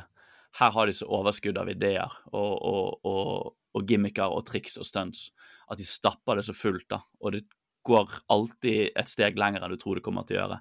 Eh, litt også bevisst på at hvis vi nå bare annonserer at dette er en veldig god serie, så hvis man ikke har sett, og dette høres spennende ut, så bør man sjekke det ut, så har jeg veldig lyst til å komme tilbake igjen om noen uker og kunne prate om hele sesongen. Ja. Eh, Mm. Fordi det er, en, for å si sånn, det er en skikkelig reise, da. Og det er noen øyeblikk sånn mot slutten av serien som var noe av det mest ukomfortable jeg har sett på TV. Um, og ikke det man Altså, man kan ikke forutse det, hvorfor det er ukomfortabelt. Det er bare noe grunnleggende menneskelig rare ting han kommer fram til. Fordi han virkelig utsetter ekte mennesker, men også seg sjøl, da Mm. for noen veldig interessante scenarioer, og du sitter hele tiden og tenker Men seriøst, gjorde du dette på ekte? Eh, og, og hva er ekte med, med Nathan, da, ikke minst. Så Ja, det, er, det er nok det ja. som er den store For det, jeg tror Mm. på at han gjør det med ekte mennesker, og at det er ekte reaksjoner. Det ser veldig sånn ut. Uh, men han uh, hva, hva, hva er komiske rolle, og hva er ekte Mm. han? Noe er åpenbart ekte, og noe er i han, men noe er jo åpenbart noe han gjør for å være vittig. jeg tror Hvis man ser på han som en Det hjalp meg litt etter hvert å se på han som en illusjonist, da. Eh, så kan man alltid tenke sånn Dette skjer jo, men hvor mye vil du dette skal skje, og hvor mye spiller du ball med det som skjer, på en måte? Um, og en av de store, en av de debattene som kom ut av denne serien når han gikk i USA, var jo rett og slett rundt det der med eh, å lage TV med ekte mennesker, og utsette de for ting. Eh, og få, den, få rettighetene deres til å vise fram, disse, vise fram mennesker på, på TV. Eh, det er jo, ble jo en tematikk, da, fordi at han, han forholder seg til ekte mennesker og, og sånn. Man kan også Eh. si at eh, han har jo en Han ble jo tiltrukket av, både i Nathan for you, men også her, av veldig rare folk. Mm. Eh, og det tenker jeg på sånn Det er en- stammer vel Folk som ikke kan kontrolleres, egentlig, da. Som Mm. kjører uten uh, license plate, og som røyker hasj før de går i bilen, og som Mm. og Han liker de, og det, det er akkurat som de tilbyr han noe som han ikke har. Han, Ja. Han er både redd for dem, men han blir også dratt mot dem i alt han gjør. Mm. Ja. Også, men så, jeg hørte det var kritikken mot han eh, nettopp fordi han på en måte leker med folks liv. Men samtidig så gjør han nesten ikke noe verre enn eh, vanlige reality-serier. Ja, og det Hvor du også putter folk inn i eh, Mm. settinger og viser dem. De, Men mange av disse har ikke, har, ikke bedt om å være med på TV. da. Så han, de, de er jo sånn som eh, Det er vel det som, er, som jeg syns er vanskelig. Du sitter, de utleverer jo noen av de der som De har ganske mange rare sider som det kommer veldig tydelig fram på TV. Men det er jo i senere episoder, uten å si for mye, han ender jo opp med å snu kameraet mot på en måte konseptet sitt sjøl, da. Og ta, tar jo tak i disse spørsmålene også, som er litt, veldig kult når Mm. man så det ukentlig. og At du, du følte at han var nok en gang da, som en god tryllekunstner i dialog med publikummet sitt. Hvor han forutser reaksjonene til sin egen serie eh, på en veldig underfundig måte. da. Så det er derfor, som jeg, hun som sendte inn, jeg er helt enig med hvordan det hun følte og så, hvis hun har sett alt som jeg har. Hvor du bare vet ikke hva du skal føle, og det er ingenting som lages på TV som det. Og det viser virkelig den verdien til HBO, da. Fordi Ja. de sier at det handler ikke om å bruke masse penger på kommersielle ting. Det handler om å bruke masse penger på gode ideer. Mm. Uh, og det er så gøy også i denne serien, er at han har fått utrolig stort budsjett i forhold til hva han gjør, til å gjøre veldig teite ting. Mm. Uh, til å gjenskape, sånn som i første episode, han gjenskaper denne baren, den quiz-baren, gjenskaper han til nøyaktig detalj, for de har et sted å øve. Ja, og det, og det, Hadde det vært et NRK-program hvor de skulle gjenskape en sånn bar, så ville de brukt veldig mye tid på å vise hvor mye tid de bruker på å få det riktige krydderet opp i været. Sånn, og den Mm. riktige ballongen til å, gassballongen til å ligge, henge opp i, Mm. i taket. Men her bare, her bare gjør han det. Mm. Det bare skjer. Sånn, han bare, Det er sånn ekstremt overskudd. Mm. Ja. Og så laget vi en bar som var helt nøyaktig lik. Mm. Han bruker et lite øyeblikk bare for å vise at den ene barkrakken som omtrent står lengst inne til høyre, den har en rift, en flenge, i setet. Så vi laget nøyaktig samme. Ja. Det er liksom der han går rett inn. Men så, så han Det var det. Men jeg føler at eh, altså, det, det der hele, hele tiden den der impulsen til å ha kontroll, det er jo veldig sånn tett knyttet til eh, komedie. Mm. Det er ganske mange komikere som har sånn kontrollbehov. Jeg tror alle vi tre har det til en viss eh, grad. Mm. Eh, og komedie er jo på en måte en, en måte å få kontroll over det som ikke lar seg kontrollere, som døden eller sex. Så tuller vi med det istedenfor. Mm. Eh, så eh, det, jeg ser det litt som en sånn eh, Jeg tror det var en som sa det, en i Monty Python som sa at eh, John Cleese har ekstremt sånn kontrollbehov. Eh, fordi eh, Han sa det litt stygt, da. Men at eh, han mener ha-ha, jeg fikk det til å le. Da kontrollerer jeg deg. Mm. Det er på en måte det du gjør før en, en eh, forestilling. Du sitter og filer på en, eh, på en punchline, f.eks., og så øver du, tester den ut mange ganger på ulike format. Og eh, har- har øve, pr- prøver på scenen, og så går du på scenen, og så leverer den, og så funker den akkurat sånn som du hadde tenkt. Du fikk Mm. den reaksjonen du hadde tenkt. Mm. Ja, litt som illusjonist eller tryllekunstner også, egentlig. Ja, og det er jo nesten Mm. litt sånn derfor noen standup-komikere nesten kan få en sånn kultlederpersonlighet over seg. For du føler at de manipulerer følgerne sine til en viss grad. Mm. Eh, men fremstår som at de er veldig uskyldige og ikke gjør noe galt. Eh, og det er der man av og til også kan bli ukomfortabel med komikere. Sånn som jeg tror noen har blitt med Nathan her, er at man blir litt ukomfortabel for man føler han har for mye makt, nesten, eh, til å gjøre disse tingene. Og så blir det sånn Men er det bare for å kødde? Er dette bare for humor? Og da er jo det så det er nok en gang, hvis vi tar en større samtale Jeg tror det er veldig mye mer på gang i denne serien enn å bare få deg til å le. Jeg tror han, han virker som at han oppriktig, mye mer enn han har gjort tidligere, har lyst til å si noe eh, om eh, mennesker og eh, hvordan vi forholder oss til hverandre. Ja, for jeg så første episoden for uh, noen en del uker siden. Uh, og da så jeg den samtidig mens jeg så Westworld. Mm. Og han driver jo på en måte I Westworld er det jo lignende også, for da driver de simuleringer der robotene gjør de samme tingene om igjen om igjen. Lærer å danse, lærer å ri, lærer å kysse. Så etter hvert så skal de nesten bli til mennesker. Mm. Og de bruker også simuleringer til å forutse hva som kommer til å skje. Så jeg tenkte først, når jeg så den eh, første episoden, jeg ja, dette var kjempegøy. Men så tenkte jeg litt som i Murderville eller andre serier, at det er sånn, jeg kan se en episode, og så kan jeg komme tilbake til den senere. Mm. Men hvis man begynner å se forbi episode to, så merket jeg at nå ble jeg hektet. For det er en sånn Ja. tullete rød tråd som du har Ja. lyst til å få med. Du har lyst til å få med deg. Hvor ender dette opp? Ja. Det bare det, bare- det må bare sies, det er dritgøy. Altså, det er også, Ja, ja, det er fantastisk gøy. Men Du setter av og til latteren i halsen, men det, det er fantastisk oppfinnsomt og vittig. Han er en veldig vittig fyr. Og han vet hvordan han skal varme deg opp, da. I forhold til der det ender opp, så, så begynner han på et utrolig Den første episoden, som du sier, Markus, er helt Den kan hvem som helst se. Og så kan du stoppe der, så du du ja. en veldig god episode med TV. Og hvis du vil gå dypere ned i dette kaninhullet, så er det kan du, ja, er det gøy å se hvor det ender opp. Men du føler også at han manipulerer deg som seer. Han leker med dine følelser hele tiden. Han får deg til å le, og så får han deg til sympati med han, og så får han deg til å hate han, og så får du han til Det er jo det Mm. som er eh, Ja, han, han, det er virkelig sånn Han, han, han kontrollerer deg, da, som en puppet Ja, ja, ja. Du blir helt uh, Ja. Nei, det er fascinerende, altså. Det er veldig fascinerende serie. Ja, Se den. Vi snakker om den litt seinere, eh, når vi har sett hele, da. Ja, vi, vi tar en, gir folk en oppfordring til å sjekke det ut, og noen Mm. uker så kommer vi kanskje tilbake til det. Ja, og Hvis du har noe mer eh, du vil eh, si til oss, så send inn altså til eh, gleden.med.tv at gmail.com. Takk for det, Maja Helene Pedersen. Men nå, Sturle, nå er det kanskje eh, sendingens høydepunkt.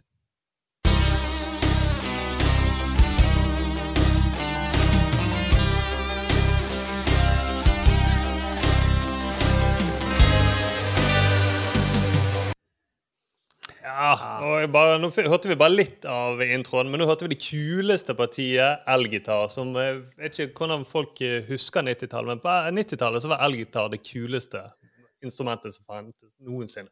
Ja, og det, det var sånn, det var mye, var ofte veldig morsomt da hvis bestemor spilte elgitar, f.eks.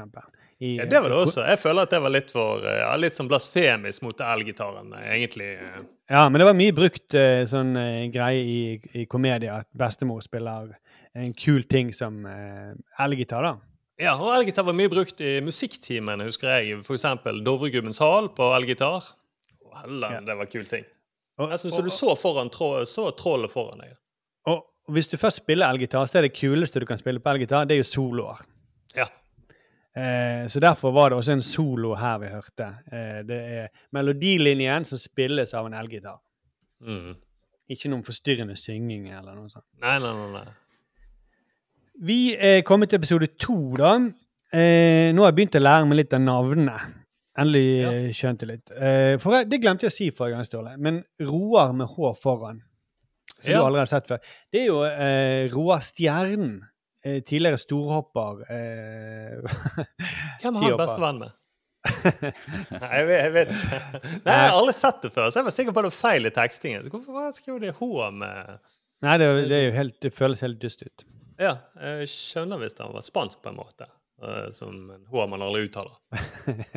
Men Roar er drift, driftsdirektør, da, med H. Ja, han er i det i serien. Men Roar Stjernen var da en eh, storhopper for Norge. Og han, han er noe sånn her, fremdeles noe sånn eh, sjef i Skiforbundet eller et eller annet sånt. sted. Eller Northwest Oil. Eller Northwest. Eh, det er da eh, episoden hvor Kristoffer Joner blir introdusert for det norske publikum. Oi, spennende. Ja. Han Det begynner ganske slapt. La du merke til det, Markus? ja. Han står og fisker da, på, fra oljeriggen. Han står og fisker, og han trekker opp døde fisk én etter én. Ingen fisk spreller når han kommer opp. Nei. Alt Det- var dødt. Alt var dødt, Men han er tydelig at de vil introdusere han som en free spirit. Mm.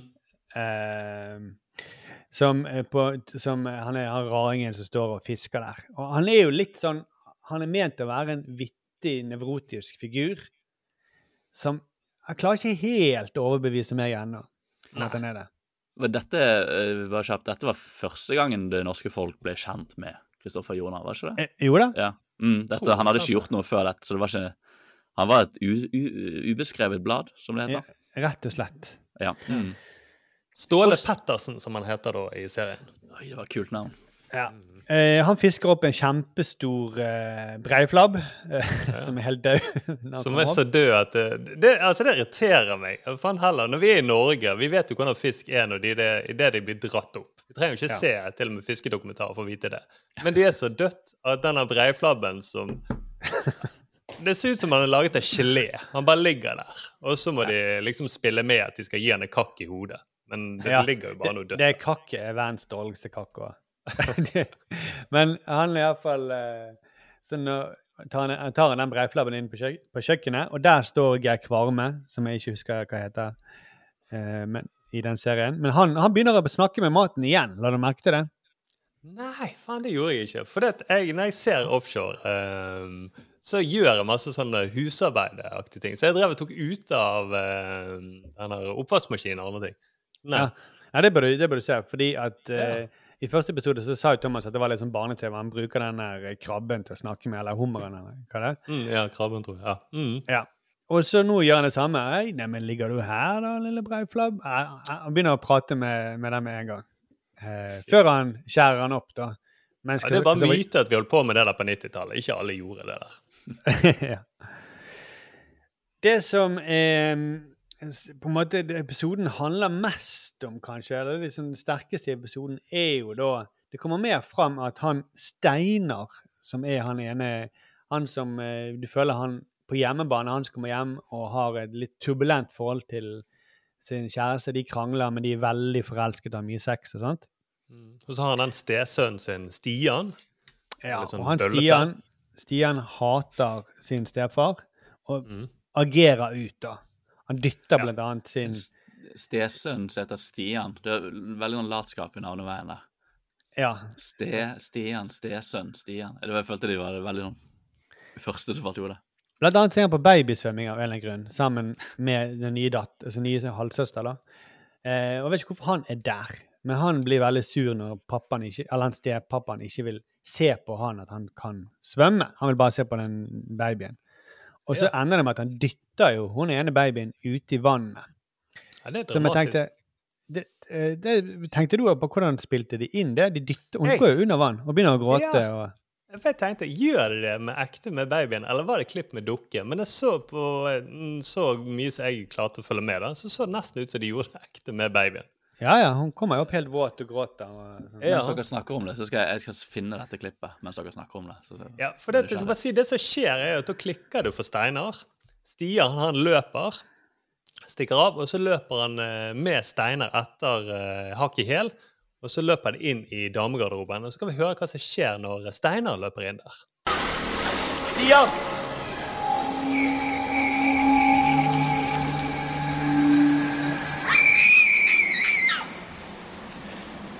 Og da kom Steinar ut igjen. Da kom Steinar ut igjen, For det var jo sånn man skriker ofte når en mann kommer inn i damegarderoben. Ja. Så det kommer sånn dødskrig, så det høres ut som du er blitt eh, knivstukket på en eller annen båt. Fordi du har den knyttet musikken. noten feil. Mm. Ja, i hvert fall den musikken her òg. Eh, det hørtes ut som en skrekkfilm. Ja.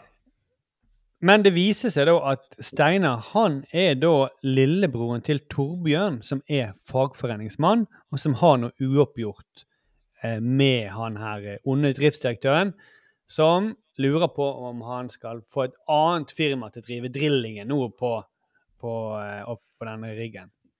Mhm. Men Steinar er jo da også nabo til Roar, som er den nye driftsdirektøren, og blir invitert over på middag. Og der, det, er, det, det bør dere se. Altså, han har så mange Når han er i sosiale eh, settinger, han eh, driftsdirektøren, så har han så mange vitser hele tiden. Altså, det, det bare kommer. Det bare så perler på en sånn Alt er liksom eh, måten, Han har en liten kommentar etter han skjenker opp i glasset. Han har en vittig vits på det, han har en vittig vits på Grill han har ja. at alle, alle må jo grille med gass, for det, vi jobber jo i et oljefirma osv. Er mye sånne rare ting. Og det er da det, det- dukker opp da, at Steinar da er lillebroren til han her Torbjørn Lindbekk. Ja. Da blir Og det- Roar med H litt rar i ansiktet når han finner ut det. Og Det, det er veldig mange som knuter her som knytes. Altså for eksempel datteren til Altså søsteren til Bob, som vi snakket om i denne episoden. datteren datteren til driftsdirektøren. Mm, Susanne, heter. Eller Susan, som han Susan, eh, ja. sier moren fra Ja, moren kaller han for Susan, og så heter hun Susanne. Mm. Ja, hun er tvillingsøster nå til Bob. Eh, men hun er med i Natur og Ungdom og eh, hater oljenæringen. Mm. Og kjæreste med Torbjørn Harr, da, som er en slags blitzer. Som vi bare har så vidt ant er med. Og de skal ut og gjøre noe pelsdyrfarm. eh, De slipper løs noen sånn pelsdyr fra en farm. Så det er veldig, her er det masse knuter, da. Som, hvordan skal de ordne disse menneskene må forholde seg til hverandre for resten av eh, serien, og de er jo totalt forskjellige. Var det, var det cliffhangeren? At hun var med i Natur og Ungdom? Nei. Nei, OK. ja. Nei, det tror jeg bare var at de grillet med gass og ikke med kull. Nei, nei, nei, vet du hva, det husker jeg ikke. For det, det, det er jo en til familie, og dette er den kjedeligste familien, syns jeg. De som Ja. bor i nord. på gård. først, ja, på gården. I første episode så var det jo noen sånne problemer med fødsel, og noen fødte altfor tidlig. Og så eh, kom han Gunnar, han ble flydd hjem til eh, hun konen sin, familien Berg. Og nå går det heldigvis bra med babyen. Egentlig ingen som bryr seg om det. Men det de kranglet om, var jo Gunnar, du må ta over gården når, eh, når mor og far blir gammel. og det er tydelig at ja, hun har flyttet ut til gården, selv om hun er veldig glad i byen. Hun savner byen. Men også, og moren er, men hun ser jo ikke på de kan kanal, alle, Vi har kjøpt alle de kanalene til hun ser ikke på de engang. Hun tror at det liksom skal veie opp for den at hun ikke er i byen. da. Og så er det en veldig vittig greie, for han prøver å kjøpe piano til han for at han ikke skal savne byen så mye. Ja. Og, og han eh, pianoselgeren, han bør dere sjekke ut. Han er temmelig eh, smooth. det er Som en sånn bruktbilselger. Jeg, sånn, jeg trodde det var først var Thomas som var med. ja, du ser, det er sånn veldig sånn der Apropos, vi snakket om sånne tydelige tegn på at du er eh, nervøs og at du er redd og sånt. Her er det sånn Når han skjønner at han kan selge han et eh, enda dyrere piano, så ser du at han liksom retter litt på slipset. Og så, veldig sånn smooth. eh, Kan, kom og se her borte. ja. På så disse han begynner å sikle. Hun blir så glad. Ja, På 90-tallet så var det folk kjøpte så mye pianoer de ikke trengte. På grunn av Ja. de sleske pianoselgerne. Det var OK. eh, Du, måten du skal imponere en dame på. Først kabel-TV, og så eh, piano.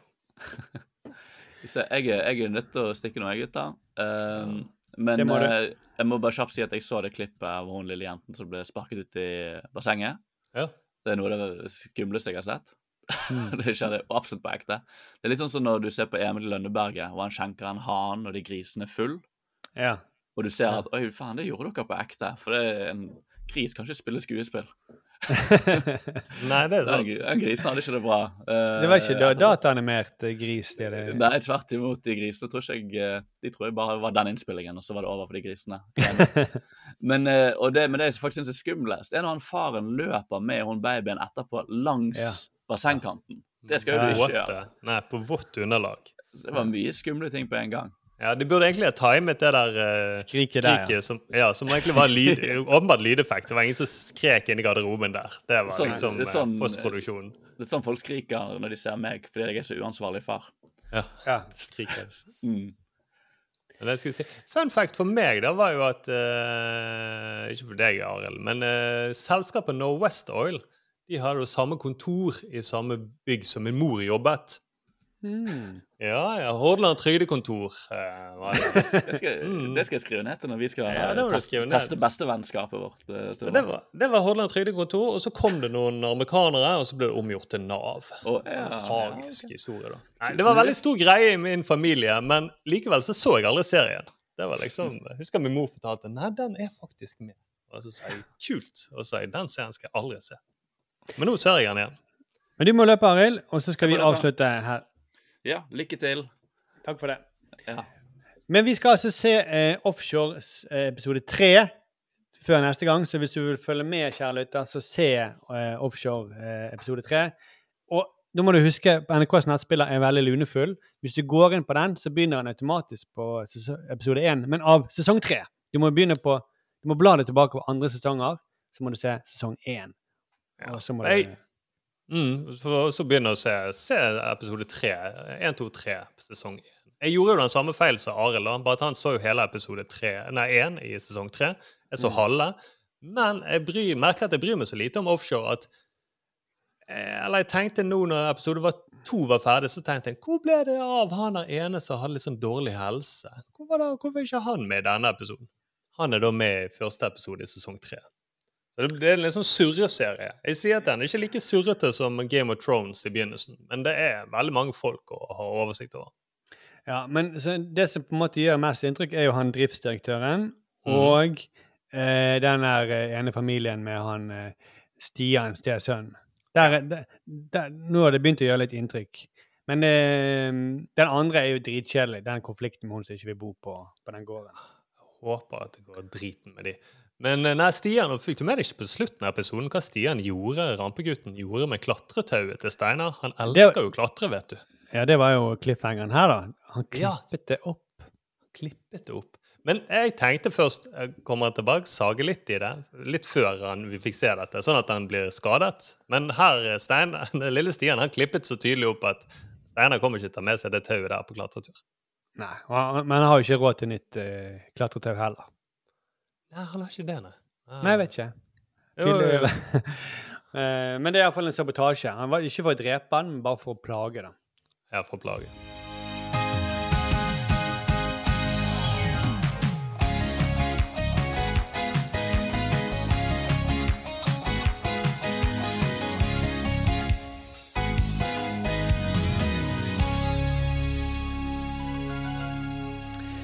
OK, eh, nå må vi i gang med eh, neste ukes eh, Snakkes. Ja. Ja, for vi må, vi må jo finne ut hvem som skal se neste ukes Snakkes. Mm. Eller eh, Forrige gang så trakk Arild, og da var det jo rigget. Ja. Eh, Denne gang så skal vi gjøre det litt mer spennende. Nå, er det, nå har jeg fire navn for meg. Du kan si etterpå Sturle én, to eller tre eller fire. Og så skal jeg lese opp hvilket navn som står på det. Mhm. Eh, men det vi har eh, bestemt oss for å se, det er et program som virkelig ingen virkelig har lyst til å se. Eh, ikke fordi jeg tror det er dårlig, det bare passer ikke. Det er ikke helt vår smak. Eh, Det er eh, det nye programmet til Truls Svendsen. Truls à la Hellstrøm Bistro. De skal Mm. starte en bistro sammen, da. Eh, Øyvind Hellstrøm og Truls Svendsen. Vil du, har du lyst til å se det programmet? Tror du det går greit? Eh, eller? Nei. Jeg, jeg merket jo, det slet jo bare når vi så Farmen, husker du, i vår. Jeg Ja. syntes det der var så kjedelig. Men Farmen har det iallfall Du skjønner du at det er iallfall konstruert av noen folk da, som vil fortelle en historie, vil at du skal bli spennende. Men det der om de der lager en bistro og får det til, det kan umulig tenke meg er noe spennende. Hva med en som en gang har laget Norges mest suksessfulle su eh, su Suksessrike eh, eh, restaurant, Bagatell? Hva vi føler Mm. han lager en ny suksessrik restaurant? Ja, ja, det ville vært spennende. Mm. At han Altså, det- gjør noe som han kan, liksom. Man kan veldig bra. Ja. Mm. ja, der tror jeg mange tvister. Ja. Og så får du Eh, en som driver og tuller og lager ablegøyer. Og skal lage mer tuller og ablegøyer. Ja. Mm. Vi kan jo da eh, Vil du si tall mellom, eh, ett tall mellom én og fire? All right. Da sier jeg eh, tre. Pju. Det ikke For meg. hvem? Det var ikke deg og ikke meg, det var Arild. Du kan bare kontrollere her at det står Arild. Nå holder jeg det opp foran skjermen, så du ser at det Ja, du må holde litt nærmere. Jeg kan ikke se. Uh, ja, Arild. Ja. Så det ble ja, det Arild. som koser meg. Mm. Eh, det ny, vi må jo da se, se, se episode tre av Offshore. Og Mhm. så eh, skal Arild se på Truls All Hellstrøm. Haha. Ja, ja. Det er det som er kjedelig, at jeg klarer ikke å huske navnet. Hva heter det? Vet du hva det heter? Heter det Truls Aller Hellstrøm Bistro, tror jeg det heter. Truls Aller Hellstrøm? Har ikke de skal laget masse Truls Aller Hellstrøm-programmer før? Jo. Men nå er det Bistro. Det er det som er den nye greien, liksom. Eh, ja. Skal jeg sjekke det for aldri til å komme inn i hjernen min. Det er så kjedelig. Truls Alle Hellstrøm Jeg tror det bare heter det. Det heter Ja, bare det er ikke så nøye. Du finner det hvis du søker på Ja, Jeg- jeg og det er kommer Arild som skal se det, så han får se, søke på det. Han må ikke begynne å se de gamle Truls Alle Hellstrøm, da. Det må han ikke. Følg oss gjerne på eh, sosiale medier, på Instagram og på Facebook. Vi eh, høres om en uke, da, Ståle. Vi gjør det. Vi høres om en uke. Da er alle fire på plass. Alle fire på plass. og Koser meg at Arild som må drive og fortelle om dette. Truls Aller Hellstrøm. Ja. Det er til pass for han når han stikker sånn som det. Ja, og ikke klarer å se eh, offshore. Nei, det er sant. Mm. Han er mye man skal gjøre til neste eh, sending. Ja. Vi høres. Ha det bra. Ha det bra.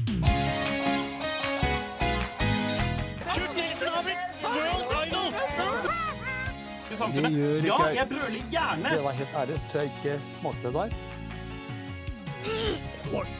Jeg er jo egentlig en ganske flatbrystet pike. Oh yeah? Well, I love you too. Det ser jo ut som en løgn. Kjersti, sånn snakker vi ikke. One small step for man,